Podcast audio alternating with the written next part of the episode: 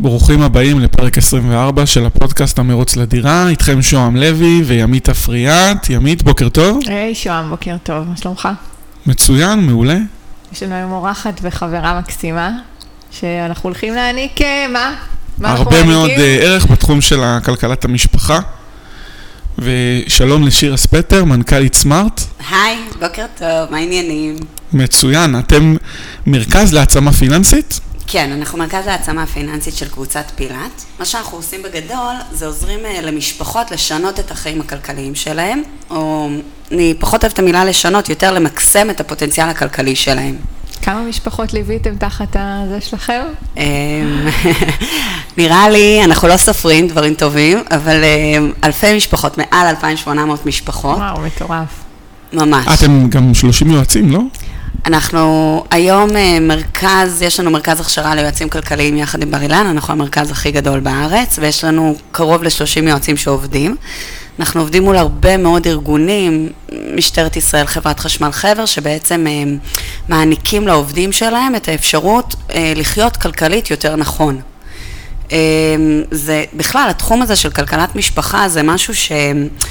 יצא לו קצת סטיגמה של תחום שהוא אה, מתקשר לשיקום או להבראה או רק למצבים מאוד קשים ואני אפילו אקצין את זה ואומר שהוא תחום שממותג בצורה של אה, כאילו אנחנו צריכים רק לטפל במערך להוציא את האנשים ההוצאות. מהמינוס ו- כן, ובואו נצטמצם ובואו אה, נצמצם את מערך ההוצאות שלנו. אני לגמרי מסכים, כי אם בן אדם רק יצמצם הוצאות, הוא בסוף יהיה מתוסכל. כי לא הכל מיותר, בוא נגיד ככה. לא רק שלא הכל מיותר, אני חושבת שלפחות האג'נדה שאיתה אנחנו עובדים ומה שאנחנו מביאים זה הסתכלות הרבה יותר אה, אסטרטגית על חיים של משפחה.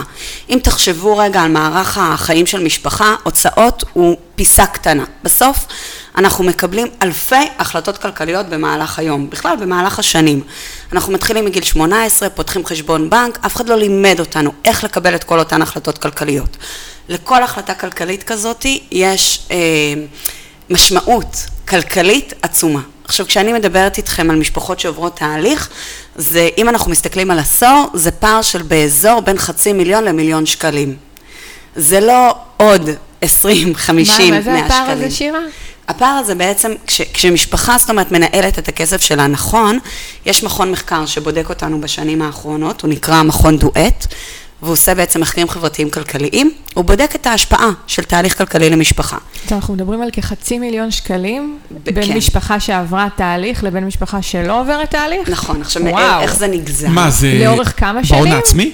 כאילו, אז מה? כן, אז בחצי- אני אסביר. וואו. נניח משפחה מרוויחה 20 אלף שקלים, היא לרוב תוציא 23 אלף שקלים, אחרי וואו. תהליך היא תוציא 18. אה, תמיד היא תוציא יותר. זאת, ל, ל, לרוב, אבל אני רגע אסביר, לא תמיד, בסדר? יש פער, בעצם אנחנו רגילים להסתכל על מינוס או, או על מה שלא נחסך. יש פער בסוף בין ההכנסות להוצאות שלנו, שהנגזרת הזו של הפער הזה קובעת הרבה מאוד מהעתיד הכלכלי שלנו. אנחנו נקרא לו בפודקאסט הזה X, אותו X, זאת אומרת כשאני יודעת כמה אני מרוויחה וכמה אני מוציאה.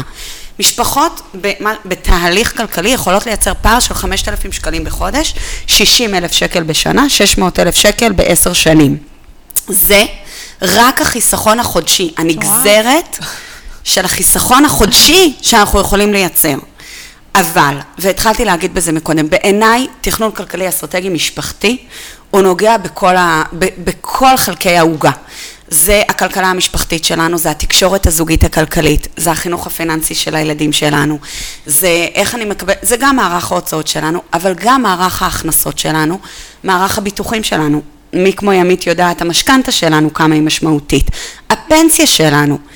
אז תחשבו רגע על כל העוגה הזאת, שהיא מחולקת להוצאות, הכנסות, נכסים והתחייבויות והגנה ביטוחית ופנסיונית, וכל המערך הזה לא מנוהל. אנחנו לרוב מנהלים את זה כמו תחביביאדה, וביני לבינכם אף אחד לא חוזר הביתה ויש לו חשק לדבר עם בן הזוג שלו על הבעיות הכלכליות שלו, או אפילו על הפוטנציאל הכלכלי. עכשיו זה עסק לכל דבר ועניין שמכניס מיליונים, מוציא מיליונים, ואנחנו מנהלים אותם שני מנכ"לים, שמגיעים עם אג'נדות שונות לגבי הכסף שלהם, עם תחושות שוב, שונות. שהמאזינים לא יהיה איזושהי הפרעת קשב. שירה, את מדברת על מנכ"לים בבית, על נכון. הזוג. הם זוג המנכ"לים וזה נכון. העסק. אנחנו לא מדברים פה על איזה גוף חיצוני, אנחנו מדברים אחד- על משק הבית שלנו. אחד הדברים שאני אומרת לכל לקוח שנכנס אליי, אני אומרת לו, הגיע הזמן שתמנכ"ל את הבית שלך. אתה המנכ"ל של הבית. תחשבי רגע, שים את הכובע הזה, ותגיד לי, תסתכל לי בעיניים ותגיד לי אם אתה עושה את העבודה הכי טובה עם הבית שלך. עכשיו, זה הבית שלך, חבר'ה, אף אחד לא ידאג לכסף שלנו אם זה לא אנחנו. אתם הכי טובים בעבודה, למה אתם לא הכי טובים בשביל עצמכם? נכון. נכון אז למה, מאוד. אגב? נכון. למה לדעתכם זה ככה? אני, אני מנהלת כי לא תהליכים... חינכו אותנו פשוט. גם לא חינכו אותנו, אבל הסיבה המרכזית זה כי זה אישי וזה מאוד קשה.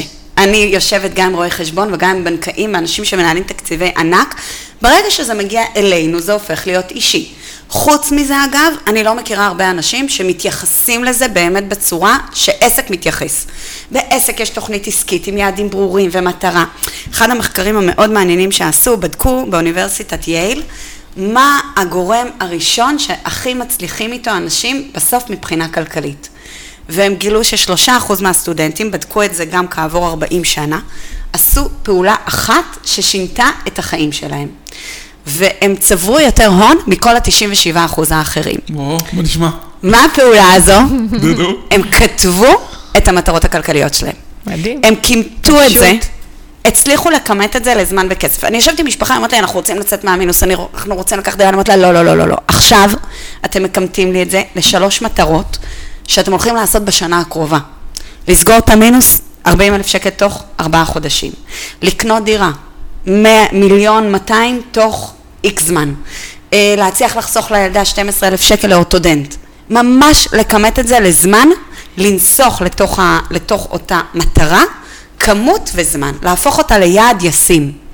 עכשיו תחשבו איזה פשוט זה, נניח אם רק הייתה לנו החלטה לשנה החדשה, להחליט על דבר אחד שאנחנו הולכים לעשות השנה. אחד הדברים שאני רואה עם אה, זוגות או משפחות שעוברות תהליכים, אני אומרת להם, שמתם לב שחסכנו 50 אלף שקל בשנה? עכשיו שימו יעד לשנה הקרובה, כמה אתם רוצים לחסוך.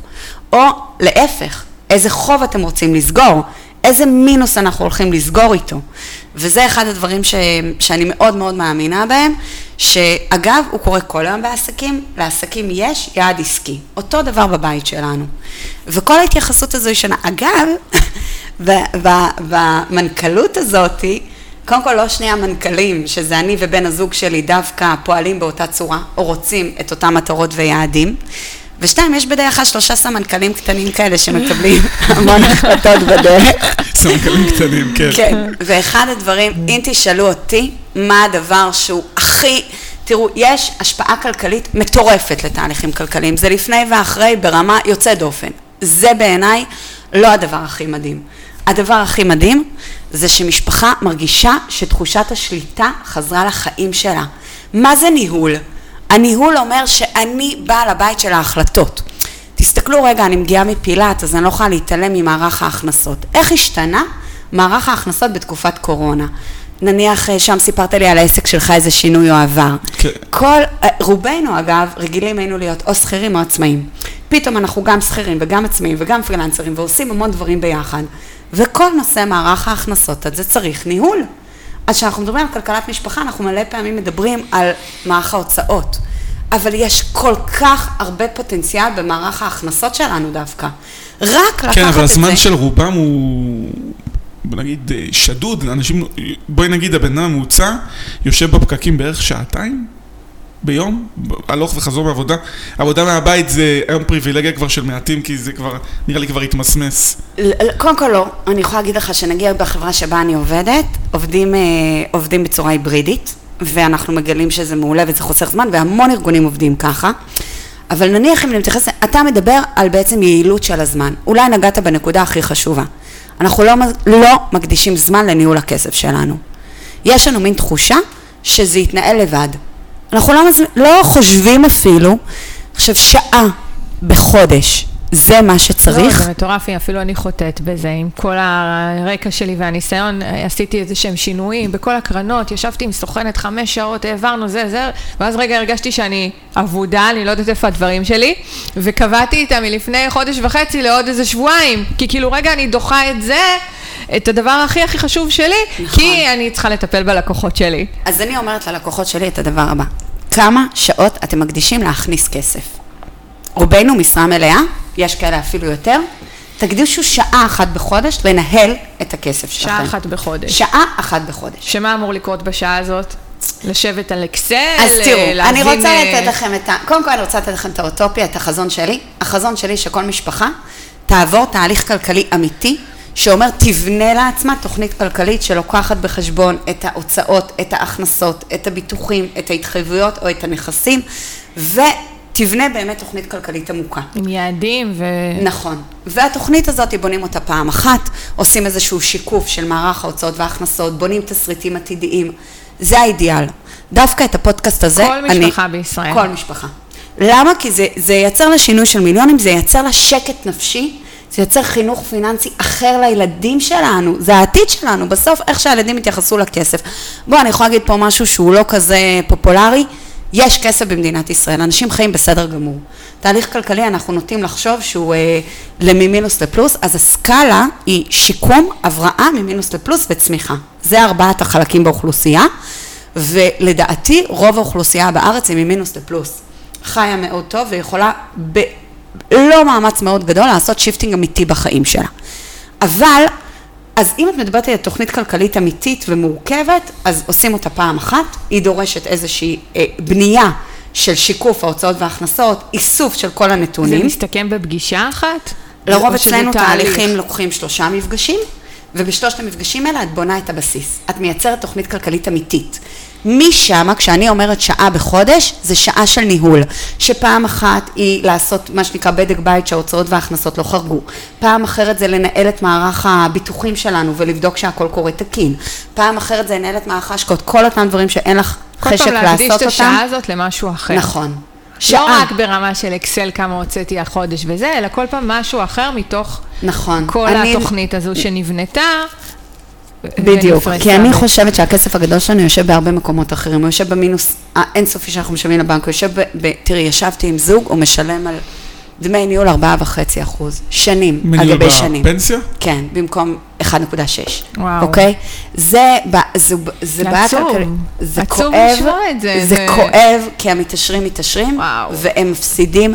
עכשיו, אני רואה אנשים שמקבלים החלטות כלכליות תפ- כל כך אז שגויות. בואו נגיד למאזינים, תפתחו את המכתבים שמגיעים, תסתכלו, היום גם הם מאוד מנגישים את המידע, מסמנים לך כמה הדמי ניהול שאתה משלם, מה הממוצע וזה, אל תתעלמו מהמידע הזה, נכון, תסתכלו עכשיו, עליו. אם- אם אתם גבוהים מהממוצע, אז אה, כנראה שאתם יכולים לשנות ולהש- ולהשתפר. הם פשוט לא מבינים גם, הרבה פעמים אנשים לא מבינים, אוקיי, אז קיבלתי את המכתב של הפנסיה, הם לא מסתכלים על התוכן הסופר חשוב האמת שיש שלא שם. מבינים, ובאמת, אני לא יודעת אם מישהו יודע, נגיד, מה דמי ניהול ממוצע. אני לא יודעת. יש לי לקוחות שיכולים לקבל דרך מקום העבודה הלוואה בריבית של 1.6, ריביות חשכ"ל או לא משנה, והם בוחרים 0.78, ויש להם הלוואות אקספרס של 13,000, של 13 אחוז. אקספרס זה מהבנק וואו, שמציע לנו מהר, וכאלה. ובדרך כל הגופים המוסדיים. שמוציאים לנו את ההלוואות ברגע, בלי סוף. אה, אה, שמקבלים אה, את הכסף והמיידי. אז אחד, את, את נוגעת בידע. הידע היום הוא רצוף. בעיקר, לדעתי, מה שמפעיל אותנו זה מנגנונים שלא בא לנו. לא באנו להתעסק עם זה, לא בא לנו לדעת, זה כואב לנו. יש את כל הנושא של כלכלה התנהגותית, יש שם כאב מאוד עמוק, לא בא לנו לנהל את השיחה הזאת המאוד טעונה עם בן הזוג שלנו, ואנחנו מתנהלים. עכשיו, אם נניח אנחנו רוצים כאילו לתת, אה, מה שנקרא, בסוף את השורה התחתונה, אחד, אני חושבת שדיברנו על זה, בואו, תהיו המנכ"לים של הבית שלכם. תהיו מנכ"לים עם כל מה שזה אומר, תנהגו בזה בכבוד, תדברו. הדבר השני, יש לנו מערכת יחסים עם כסף. שלא נתבלבל, זו מערכת יחסים אמיתית. אנחנו באים עם אמונות על כסף, עם כמה נשים אני יושבת והן פשוט לא, לא מרגישות שוות מספיק ללכת לדבר עם המנהל שלהם על העלאת שכר, או עם המנהלת שלהם על העלאת שכר. משהו ש, שעובר כל לבקש כך קרן בקלות. השתלמות, דברים שהיום כמעט כל מעסיק נותן, יש לי עדיין לקוחות שעובדים במקומות 6-7 שנים ואין להם קרן השתלמות, אני אומרת לו, אתה נותן את הנשמה שלך במקום תלוי, הזה. אבל- אבל אם זה לך עסק קטן, תבקש. זה הרבה יותר... ק- תלוי. אפשר, תלוי. תראו, לך אני- תבקש, מקסימום הם יגידו לך לא, הכל בסדר, את אותו- הלא כבר יש לך. אותו דבר על העלאת שכר, אותו דבר נכון, על כל דבר. נכון, ואני יכולה להגיד לך שיש לי לקוחות שאחרי פגישת ייעוץ הלכו וביקשו וקיבלו. תראו, מה יותר טוב זה- מזה? נכון, מה- כי מערכת יחסים זה בעצם האמונות שלך, הדברים שהגעת מהבית, בסדר? אמ, אה, יש לי זוגות שבאים ואומרים לי, שירה, יש לנו חרדה, פוביה מכסף. אנחנו חושבים שכסף זה דבר רע. אני מאמינה קודם כל שכסף זה שפע. לטיפול גם. זה אנרגיה. אבל מה זה טיפול? אחד הדברים שאנחנו עושים בתהליכים זה אימון כלכלי. אימון הוא לא טיפול, הוא לא אמור אה, לשנות את חוויות הילדות שלך, הוא כן אמור להכניס מערכת אמונות חדשה, שאותה גם תצליח להשריש לילדים שלך ולחנך אותה על פיהם. לדוגמה, שכסף זה דבר שהוא שפע, אנרגיה מהממת וטובה. תודעת שפע, מה שנקרא. כן, ושכיף לך שיש לך אותו. רובנו נעים באי נוחות בכיסא, כשאנחנו מדברים איתנו על הכסף. כולנו מרגישים שאנחנו לא עושים מספיק טוב. תרגיש טוב עם הכסף שלך, כן, תרגיש שירה, שאתה אבל עושה מה שאת טוב. אומרת, את יודעת איפה יש בעיה? איפה? שאנשים מוציאים מעבר, כי הם בתחושה הזו. הם בתחושה של השפע, הם בתחושה של הכסף זה דבר טוב, אז הם מרשים לעצמם להיכנס למינוס, ולקחת הלוואה בשביל לצאת לנופש, ובשביל לקנות רכב. אני דווקא חושבת אחרת, אני חושבת שאנשים אה, מרגישים הרבה מנגנונים אחרים. מנגנון פיצוי של מגיע לי. גם, מגיע לי, גם נכון, אם אין לי. נכון. אני עובדת מאוד קשה. זה, כל הכלכלה ההתנהגותית יושבת על המנגנונים האלה. אגב, מנגנוני הפיתוי, כל מערכי השיווק, שהוא שיווק מאוד מתורגת היום, ומביא עד אלייך את בדיוק אותו סט שאת רוצה לקנות, ואת קונה את זה תוך שנייה. כל השיווק המתורגת, כל תופעת העדר שקורית לנו. אה, תראי מה קרה עם טסלה בארץ. זאת אומרת, אני לא בטוחה אם זה אנשים שיכולים להרשות לעצמם, או זה סתם דוגמה. מה, שיש אלפי מכוניות של טסלה, שהם... כן. תוך כלום. תראה מה קורה עם תופעת הג'יפים. זאת אומרת, כמה, כמה כלים עלו. עכשיו, אני לא בטוחה האם זה נלקחה הלוואה. אגב, אני אומרת את הדבר הפשוט הבא, אם יש לך, תוציא ובכיף. גם אני אומרת את זה. יופי, אבל, רגע, תוודא, אגב, גם לא בטוח, אולי שווה לך לעשות איזשהו תכנון פיננסי, להסתכל כדי שיהיה לך הרבה יותר. זאת, בואו בואו נעשה רגע כדי לחלק את העושר ה- בין היום לבין העתיד. בין ההווה לעתיד, אבל לא רק זה. אתה נוגע פה בנקודה סופר חשובה, ואני רוצה אולי אותה להדגיש. יש, כל כלכלת המשפחה יושבת על מושג מאוד מאוד פשוט, שאומר שיש רק שני עולמות. עולם אחד של צריכה, ועולם אחר של השקעה. כל שקל שהולך לעולם של צריכה, נעלם. כל שקל שהולך לעולם של השקעה, אנחנו רוצים להכפיל אותו, נכון? Mm-hmm. אגב, צריכה זה גם דברים מאוד משמעותיים, כמו חינוך לילדים. עדיין, זאת, זה, עדיין זה עולם של צריכה. השקעה זה כשאני שם את הכסף, שיעבוד בשבילי, ויעשה יותר כסף ממה שהוא יכול לעשות.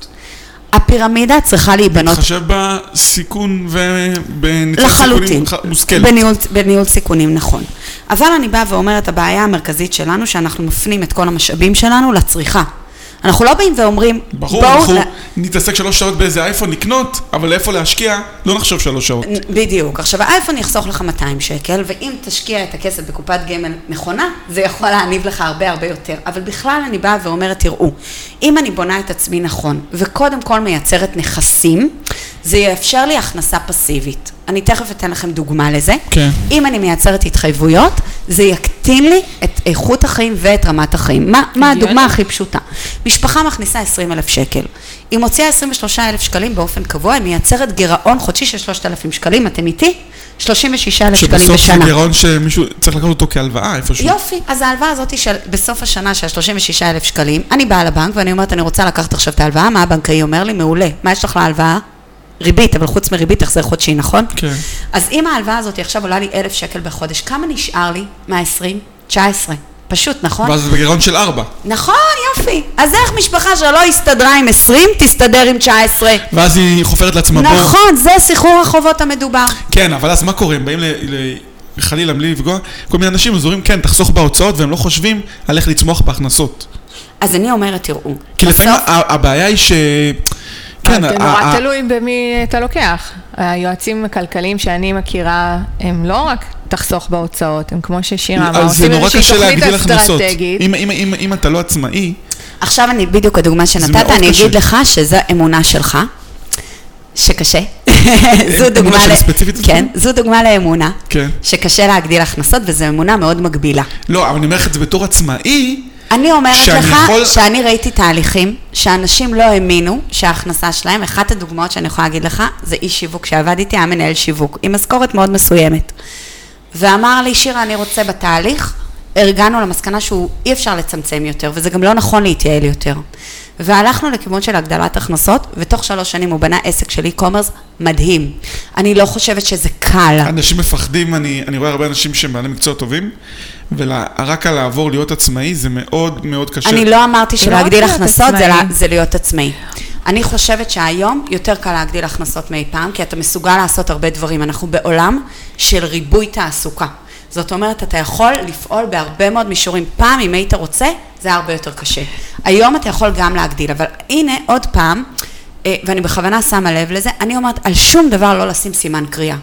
מה שקשה למישהו אחר לא חייב שהוא קשה לך. היה לי זוג שלפני אה, שנתיים וחצי בערך לקחו משכנתה, וההכנסות היו איקס, לא זוכרת בדיוק את המספרים, נגיד 17,000 שקל, ובנינו משכנתה שתואמת ליכולת החזר, והם באו היום למחזר את המשכנתה, ואמרו, הבעל אמר, בואי נגדיל קצת ההחזר החודשי, אנחנו יכולים יותר. אה, אז... אז, סליחה, לפני שהם לקחו אז את המשכנתה, זה היה יותר מהשכירות שלהם, הרבה יותר, והם נורא פחדו. אז האישה אומרת, את יודעת, ימית, בכלל לא הרגשתי את העלייה הזאת בפער בין השכירות למשכנתה, זה ממש הולך לנו בסדר. אז הוא יושב ואומר, בטח לא הרגשת, אני מחלק פרחים בלילות, והגדלתי את ההכנסה. נכון. אז היא כאילו, אה, נכון, היא כזה, רגע, היא שכחה שהוא יוצא, הגדיל את ההכנסה בשביל אותה דלתא של של בין כן. השכירות למשכנתה שהם עשו את הקפיצה הזאת אז לפני הוא שנתיים מצא וחצי. עוד עבודה, עוד עיסוק. למשל, כן. הוא עובד אה, אבל בעבודה תראה, אני, ציבורית. אני אפתור לך את, ה, את הפרדוקס אולי שיש לך. אין דרך אחת. אני בתור מי שהיה גם שכיר וגם עצמאי, אני מסתכל, בסדר, אתה בתור עצמאי אז אתה יכול לעבוד עוד שעות, הרבה יותר קל לך, אבל בתור שכיר, נגיד, סתם דוגמה, היום שישי הקדוש, נניח שאתה יכול להקים עסק שיניב לך עוד אה, 4,000 אה, ברוטו, לא משנה, בתור עוסק פטור, 4,000 שקל בחודש, אבל תצטרך לעבוד כל אחד מהימי שישי. זה, ב- רגע, אז אתה נוגע, תראה, לכל משפחה יש את הסדרי העדיפויות שלה. ישבתי אתמול עם משפחה שהאישה עובדת 75% משרה והיא יכלה להגדיל בקלות את ההכנסה והגענו למסקנה שזה לא נכון ומתאים להם. אני רוצה להגיד שני דברים. אחד, הדרך היא לא אחת.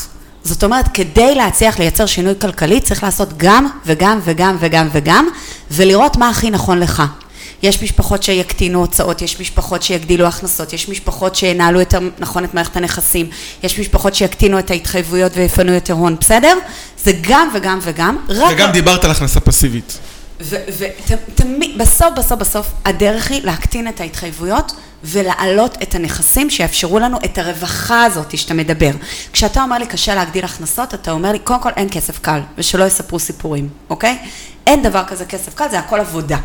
אבל אני, אני בתוך האירוע הזה של העבודה חושבת שבסוף, אם אתה מצליח לייצר לך נכס, כלשהו, לאו דווקא נדל"ן, גם שוק ההון, שמצליח להכניס לך איקס כסף כל חודש, אתה יוצא ממרוץ העכברים הזה, של כל הזמן עבודה.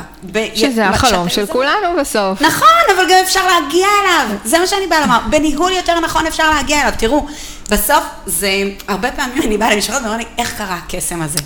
אין קסם, זה עבודה קשה. למה זה קסם? כי אתם יודעים, כל ההוצאות הקטנות האלה שאנחנו אה, רואים אותן, פתאום קפצתי ל-Yellow, שתיתי קפה בארון, כל המסתכמות באזור ה-2,300 שקלים בחודש. וואו. זה מטורף. זאת אומרת, זה רק הניהול היותר נכון הזה, כבר יכול לייצר המודעות. מערך. נכון. להיות במודעות בכלל. אחד הדברים שאני מאוד מאוד ממליצה למשפחות, ו... ואם תיקחו רק את זה גם טוב, זו שיטה שנקראת saving first. זה אומר אוקיי, כן. שבתחילת... טינג. אז אחרי כזה פתיח קבלו. זו שיטה שאומרת שבתחילת החודש אתה קודם כל מגדיר מה הולך להשקעה. קודם כל אתה מגדיר איקס כסף, זה יכול להיות 500 שקלים, זה יכול להיות 1,000 שקלים, זה יכול להיות גם 250 שקלים. הוא הכסף שאתה שם בצד, בקופת גמל להשקעה, באיזשהו מכשיר פיננסי לחיסכון, ומהיתרה אתה גוזר את מה שנשאר לך לחיות. לא ההפך, אם יישאר לי, אז אני- אני אשים כי זה לא. קורה אף פעם. יפה. פתאום משפחות מגלות יפה. בסוף שנה, מה אני בשוק. יפה אגב. מאיפה זה בא? אתם זוכרים שביטוח לאומי היה נותן לנו כסף כל חודש לילדים? הוא גילה שאנחנו לא יודעים לחסוך את הכסף נותן, הזה. אה, ואז פתחו את הקופת נכון, ואז חיסכון פתחו את לכל הקופת ילד. חיסכון, ואז אפשרו לך כמשפחה להוסיף 50 שקלים לכל ילד, נכון? פתאום אני רואה לשלושת הילדים שלי, כל אחד 6,000 שקל בקופה הזאת, שאני הוספתי. אתם באמת חושבים שה-50 שקל האלה היו נחסכים אלמלא הייתי עושה את הפעולה היזומה הזו? סיכוי אפסי. לא. נכון. אז אני מציעה דבר אחד, מחר בבוקר אתם לוקחים ופותחים הוראת קבע בכל חודש, אתם תחליטו על איקס כסף, זה לא צריך להיות גבוה, אבל שהכסף הזה עובר, אין, אין לי בכלל חשיבה לגבי הנושא הזה, אתם מבינים? זה ואם לא פשוט עובר. הגדלתם את הקופת חיסכון לכל ילד, אז גם לעשות את זה. נכון, עכשיו אני אספר למאזינים, זו לא שיטה שאני המצאתי, זו השיטה הכי רווחת בארצות הברית, וגילו שהיא השיטה שהכי עובדת בחיסכון. saving first. כן, גם אם אתה. בכלל לא הולך לנהל את הכסף שלך, אל תנהל. שים קודם כל כסף. ולא כסף, לא אה, בהכרח לפיקדון בבנק, או אפילו לא כדאי לפיקדון בבנק, אלא לאפיקים בשוק ההון שיניבו לכם כן. הרבה כסף בטווח הארוך. נכון. ואתה גם ממצע את ההשקעה שלך, זאת אומרת, אם חלילה יש משברים והשוק יורד, השוק עולה, אתה קונה את השוק במנות, וככה נכון. אין לך סי- סיכון של כסף מסוים ש- שנפל... אה, בדיוק, ואם אנחנו כבר בענייני, בענייני חיסכון בצד, אז אני רוצה להציע עוד הצעה. אחד הדברים שמשפחות אה, מתמודדות איתם, שהוא הכי, מה שנקרא, קשה להם, זה הוצאות לא מתוכננות, נכון? כן, יש את הסקרים האלה, אני אגיד, מה הייתם עושים עם הוצאה חד פעמית לא צפויה של 8,000 שקל? כולם אומרים, היה מתקשה לעמוד בה, וכל המחקרים האלה, ועל בסיס זה אומרים שהמצב הכלכלי של אנשים לא טוב. אמ, אתה מדבר על מבחן, אגב. אה, אה, אני, אני, אם כבר העלית את זה, זה מבחן שנקרא שפירות פיננסית. זה מבחן בארצות הברית, של, שאם אני זוכרת נכון, דה מרקר גיירו אותו. הם בודקים שבירות פיננסית, אומרת מה היכולת של משפחה. לדעתי זה כלכליסט, אבל... כלכליסט, אז כן. כלכליסט. שאלו את זה לפני, נראה לי פעם. שאלו את זה גם ביוני האחרון, וגילו ששתיים מתוך שלושה ישראלים לא יעמדו בהוצאה של 8,000 שקלים. מה זה לא יעמדו? בואי, אפשר לקחת הלוואה... זה נקרא כן. לא יעמדו. כי בסוף מאיפה אתה יכול להשיג כסף להוצאות לא מתוכננות? או, או שבאותו חודש תוציא פחות, או שיש לך נכסים. או שיש לך גם קרן חירום, אבל השאלה אם להוצאה בלתי צפויה, אני צריך לפתוח קרן חירום. אז, ו- אוקיי, או- אז נגיד. נדבר על זה. קודם כל, אה, ו- ויש פה אה, שתי המלצות. קרן חירום אומרת שמשפחה צריכה קרן חירום למקרה שנניח אחד מבני הזוג לא יעבוד. נסביר מה זה בכלל, כן. קרן חירום אומרת שבמידה ואחד מבני הזוג לא יעבוד במהלך חצי שנה, עדיין המשפחה תשרוד. ולקרן חירום שווה או במקרה ויהיה לנו חס וחלילה איזשהו ניתוח מסובך, או משהו שביטוחים לא יגנו, וצריך קרן חירום. ההמלצה לקרן חירום למשפחה זה משכורת של אחד מבני הזוג לשישה חודשים. לשים כסף כזה בצד. זאת אומרת, גם אם אני לוקחת משפחה ובונה לה תוכנית אסטרטגית לנדל"ן, תמיד אני משאירה קרן חירום. בסדר? וזה משהו שמשפחה צריכה לדעת שיש את הכסף הזה, וזה נותן לנו לקטסטרופות, מה איזשהו... שנקרא. כן, זה נותן ביטחון, בסדר? אבל חוץ מקרן חירום, יש את תופעת ההוצאות הלא מתוכננות. קורה לכולנו, הדוח שאנחנו מקבלים, פתאום טיפול לאוטו, כולנו מופתעים, כולנו בשוק, שאוגוסט יש לנו טיול, למרות שכל אוגוסט אותו שיש דבר. קייטנות ב-5,000 שקלים. כן, הלם. אבל באמת ההוצאות היום יותר גדלות מ... אני אפילו כאילו רואה את עצמי, יחסית אני יודע מה אני מוציא ואני מתוכנן, פתאום אומר כאילו לאשתי, מה, אוגוסט? ככה כאילו... אתה בשוק, כל לא אוגוסט מחדש, נכון? אני לא, נערכת לאוגוסט אני מוכן, מספטמבר. לא, אני, מוכן, אני בסדר, אני מוכן, אבל... אז, אח... אז יש, לי, יש לי המלצה. אחת ההמלצות היא שאתה שם כל חודש כסף לאותן הוצאות שנתיות. אני לא קוראת להן הוצאות לא מתוכננות. בואו נעשה סדר.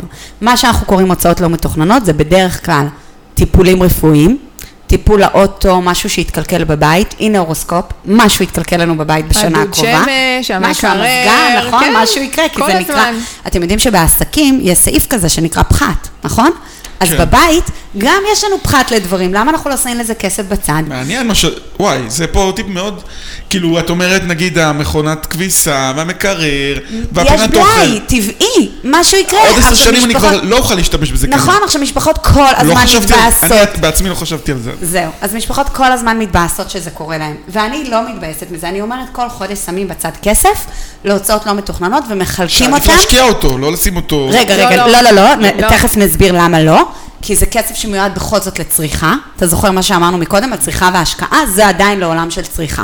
זה כסף אתה צריך שמחולק... אותו, אתה לא יכול עכשיו לחכות שבעה ימי עסקים עד שישחררו לך. אתה נכון. צריך שהוא יהיה לך זמין במיידי, אבל הוא צבוע לבלת"מים האלו. אז אני אכנס למינוס של שבעה ימים, וזהו. ואני- לא, למה אבל? אם אתה מתכנן את זה נכון, לא, אז אבל למה רגע, אני- אבל אז? הוא יהיה מושקע ואני ארוויח יותר מהשבעה ימים ריבית. אבל אנחנו אתה לא לא מדברים פה על מאות אלפי שקלים, אנחנו מדברים פה על חיסכון של כעשרת נכון. אלפים שקל בשנה במקסימום, שמיועד לזה. אני אומרת למשפחות, אל תמנפו לי כסף לצריכה. תמנפו באמת כשיהיה לכם. מה זה אומר? אה, בסוף, מה שקורה, אני רוצה ש... להמליץ על פתיחה של אה, שלוש קופות, בסדר? קופה ראשונה, כן. זה קופה של כל התיקונים והבלאי, קופת הפחת שלנו, כל הדברים שיקרו לנו בבית. לשים שם את ה-200 שקלים כל חודש.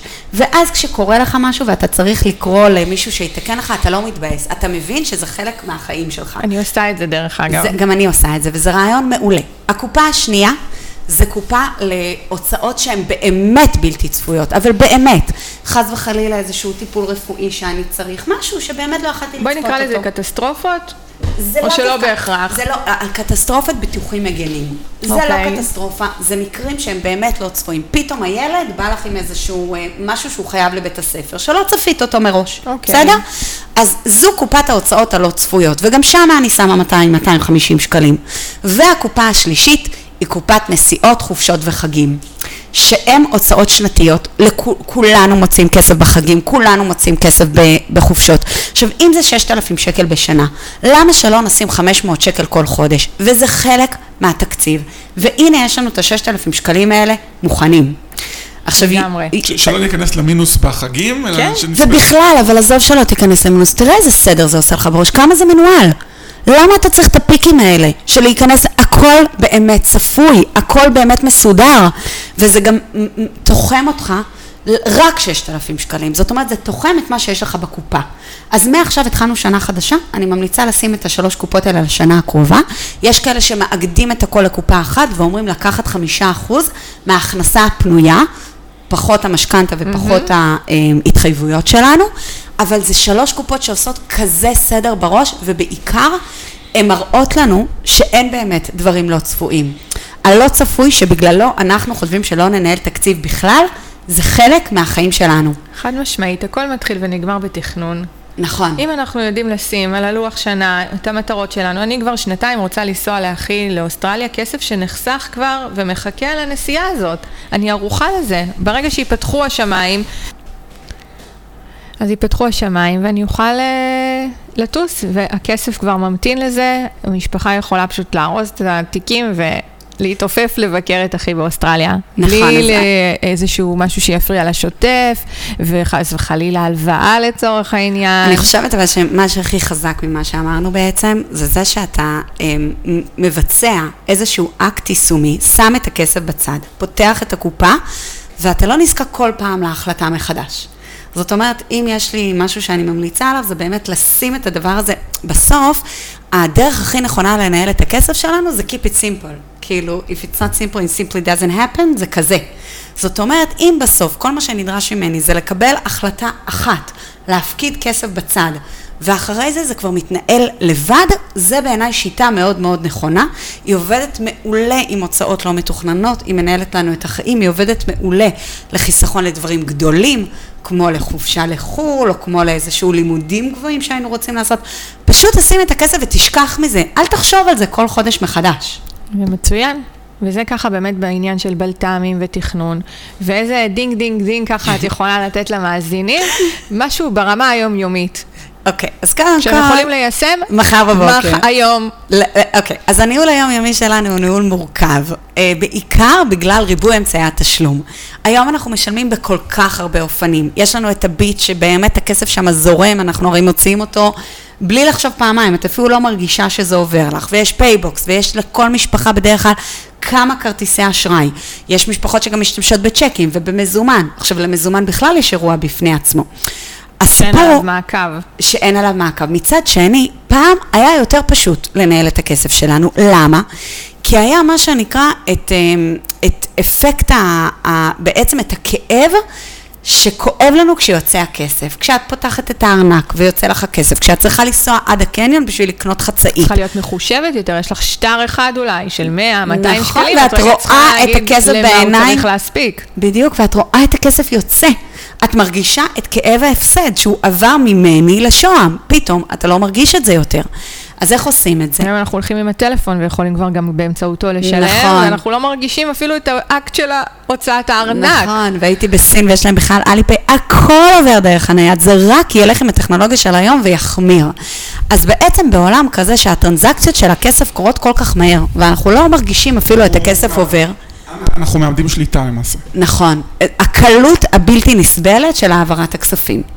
אז אחת הבעיות שמשפחות באמת מתמודדות איתן זה איך להתנהל בעולם כזה של ריבוי אמצעי תשלום. ודינג דינג דינג אני נותנת את הטיפ. שבעצם בעיניי הוא עושה סדר למשפחות והוא מדהים. מה שמשפחות בעצם צריכות לעשות זה שני כרטיסי אשראי ייעודיים. אחד, כרטיס אשראי ייעודי להוצאות הקבועות. מה זה אומר? שכל הוראות הקבע, גני הילדים, הוצאות החשמל, כל ההוצאות שיוצאות כל חודש ולרוב הן תחת מה שנקרא אה, באותו, יוצאות ב, ב, באותו סכום. בסוף בסוף בסוף ההוצאות הקבועות מסתכמות לאיזשהו סכום כספי. עשרת אלפים שקלים נגיד כל חודש, בסדר? אוקיי. Okay. מה שמבלבל אותנו כל הזמן זה ההוצאות המשתנות, וכמה פעמים, כמה לקוחות אני שומעת שאומרים לי, לא, הכרטיס אשראי החודש גבוה, כי היה לנו חוג לילד ששילמנו, כי שילמנו ארנונה גבוהה, אז אין יותר את הסיפורים אין, האלה. בדיוק, אין את התירוץ הזה.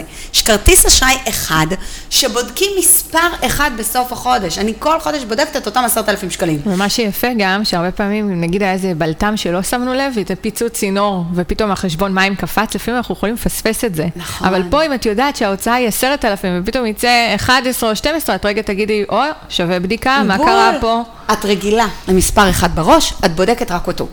אותו דבר בדיוק להוצאות המשתנות שלנו. למרות שגם יש תנודתיות טיפה בחשבון החשמל ובחשבון המים, עונתיות לפעמים, אז זה לא תמיד יהיה אותו דבר, אבל כן נדע למה לצפות. נכון, לאיזשהו- אז אני רוצה לדבר על זה. קודם כל, מה זה תנודתיות? היא לא מאוד גבוהה, יחסית להוצאות המשתנות שלנו. היא גם טיפה פחות בשליטתנו, כי את לא לא תפעילי מזגן. אבל יש מה שנקרא אה, תשלום דו-חודשי. חודש אחד ירד לך חשמל וחודש אחד הארנונה, ואם את עושה את זה מחולק נכון, אז בסוף זה מסתכם בערך באותו דבר כל חודש. או שאת יכולה גם לחלק את הארנונה לחודשי. נכון. ואפילו אם אתה משלם את זה שנה מראש, באותו כרטיס אשראי, וגם אחד הדברים המאוד מגניבים, אם הכל בכרטיס אשראי, כן. אז אתה יכול לצבור נקודות על זה, כמו אה, פלייקארד זה או משהו כזה, זה נכון. פצצה. אז זה קודם כל, אבל שלא יהיה לך גם הוראות קבע מהבנק וגם תשלומים שירד, הכל, הכל, הכל, הכל מקובץ לכרטיס אשראי אחד שנמצא במגירה, אתה לא מסתובב איתו ביום-יום, אתה לא משלם איתו שום דבר שהוא לא הוצאה קבועה. עד כאן בסדר? יפה מאוד. ההוצאות המשתנות, שהן באמת הבלגן הגדול שלנו, שמה זה ההוצאות המשתנות שלנו? כל דבר שאנחנו קונים, הקפה בארומה, האוכל, הביגוד, שופרסל, הדלק, ש... הכל, הכל, הכל, הכל, הכל שיוצא לנו ומשתנה, משחקים לילדים, כל דבר שאתם יכולים לחשוב עליו, הוא בכרטיס אשראי נפרד, ולא אנחנו שמים לימיט, שאנחנו מחליטים עליו מראש. כרטיס אשראי להוצאות משתנות לא חורג מ-8,000 שקלים, ואם שני בני הזוג משתנים בהוצאות, משתמשים ב- בשני כרטיסי אשראי נפרדים, אז לכל אחד, 4,000, 4,000, בסדר? בסוף החודש אני רואה רק שני מספרים. כמה יצא לי בכרטיס אשראי שלך קבועות? כמה יצא לי במשתנות? וזהו. אני לא צריכה לשבת שעות, אני לא צריכה לעשות בקרה, אני לא צריכה לנהל רישום, אני לא צריכה לקחת מזומן שזו שיטה שהיא מאוד קשה. פשוט יפה מאוד. וקל, אוקיי? אז זה, זאת אומרת, אם, אם, עכשיו, אני רק אגיד משהו לגבי זה, תראי. בסוף זה טיפ. לכל אחד מתאימה שיטה אחרת. מה שחשוב לי מאוד, אה, שגם המאזינים ייקחו איתם, שאם החלטת לנהל אורח חיים בריא כלכלי, השיטה היא רק מתלבשת על ההחלטה הניהולית. מה זה אומר? נגיד החלטתי שאני מחר בבוקר מנהלת אורח חיים בריא מבחינת ספורט. אז בסוף אני יכולה לבחור את השיטה. אני יכולה לבחור אם בא לי לרוץ, אם בא לי לשחות. כן, כל אחד מה שמתאים לו. נכון, אבל זה לא אומר שאם אני מפסיקה פתאום לשחות כי משהו לא מסתדר לי, אני מפסיקה בכלל לנהל אורח חיים כלכלי, בריא, בסדר? כן. השיטה היא לכל אחד, יש אפליקציות, יש כל כך הרבה שיטות שיכולות לעבוד לנו. מה שחשוב זה לדעת להתאים את השיטה לכם ולהחזיק איתה מעמד לאורך זמן. שיטה נכונה היא לא שיטה שעובדת לי חודשיים. שיטה נכונה זה שיטה שהיא קלה שהיא ליישום. הופכת להיות אורח החיים שלך. נכון. אתה מחליט, אתה שותה כל שעה כוס מים, אתה מחליט... משהו אתה... שאני יכול ליישם כהרגל. נכון. כן. בדיוק. זה מה שמנצח בסוף. הדברים הקטנים האלה, ולכן אני אומרת, תיקחו לכם כמה שיותר פשוט. אם זה בהוראות קבע, אם זה באמצעות כרטיס אשראי, אם זה באפליקציה שעובדת לכם, כמה שיותר פשוט, שידרוש מכם כמה שפחות ניהול. אני חייבת לשאול, שירה. התהליך הזה שדיברת עליו מקודם, שהתחלנו איתו, שבעצם אה, של- שלוש פגישות, שבהן רגע אה, מסתכלים על המצב ועושים איזשהו תכנון. עכשיו, אני לא מדברת על ליווי כלכלי של הבראה או צמיחה, אני מדברת רגע על לתת למשפחה את התמונה, מה שלדעתי כל משק בית בישראל חייב לעשות.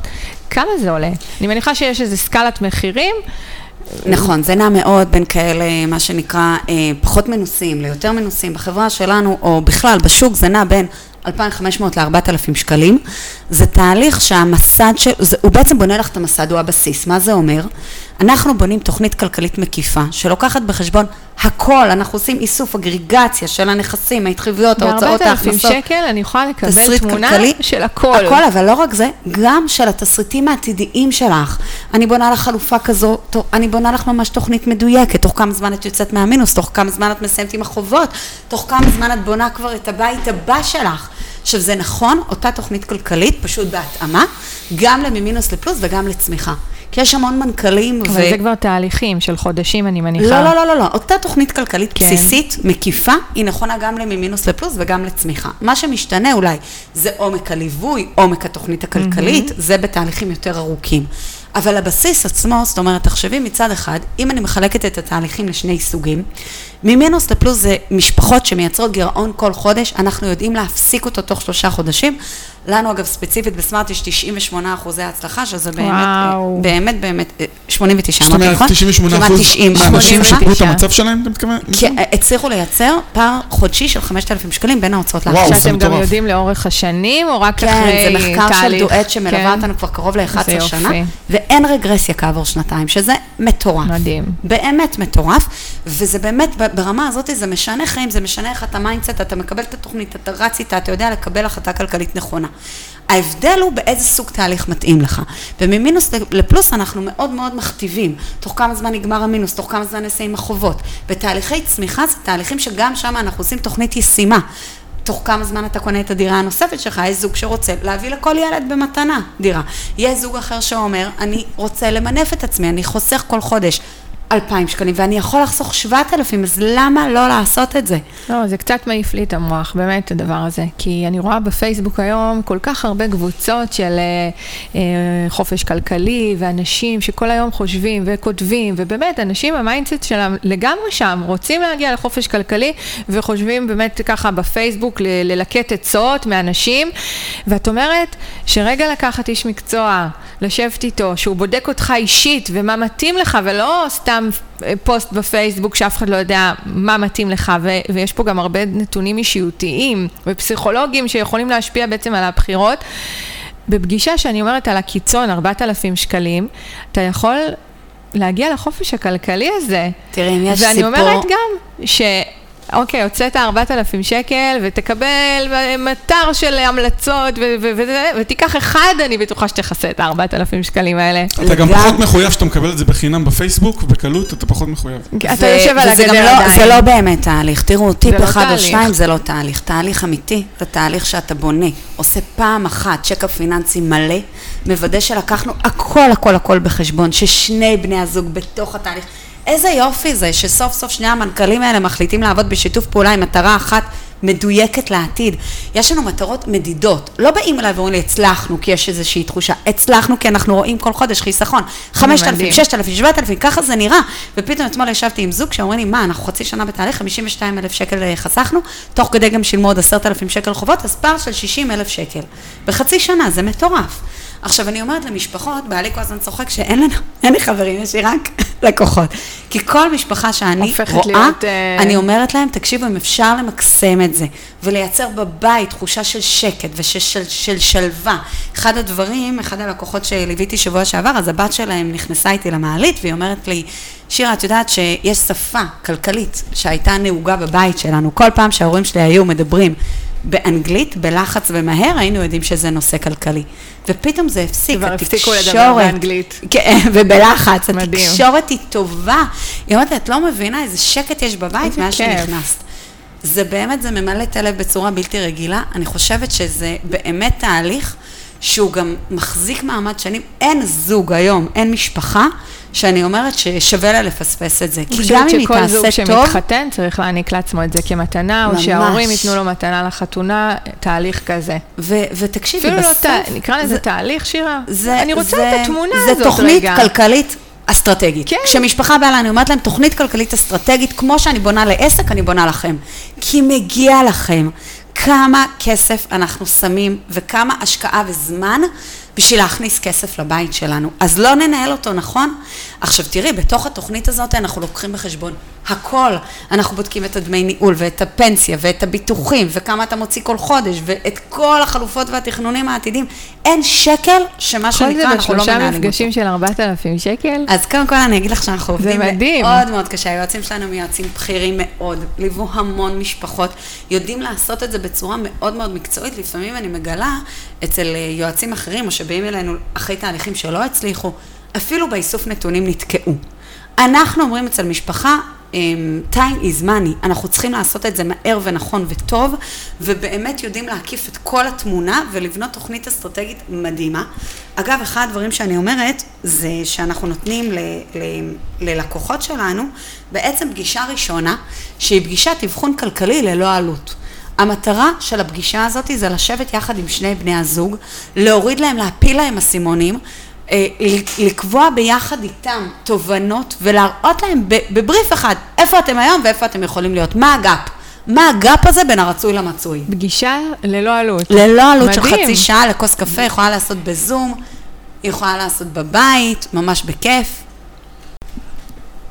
ושירה, איך, איך מגיעים לתאם פגישה כזו? זה נשמע מדהים ושכל אחד חייב. ממש, אז אנחנו קודם כל לא נותנים אותה לכל אחד האמת, 아, אה, אבל אוקיי. למאזינים שבאו דרכך בטח ניתן.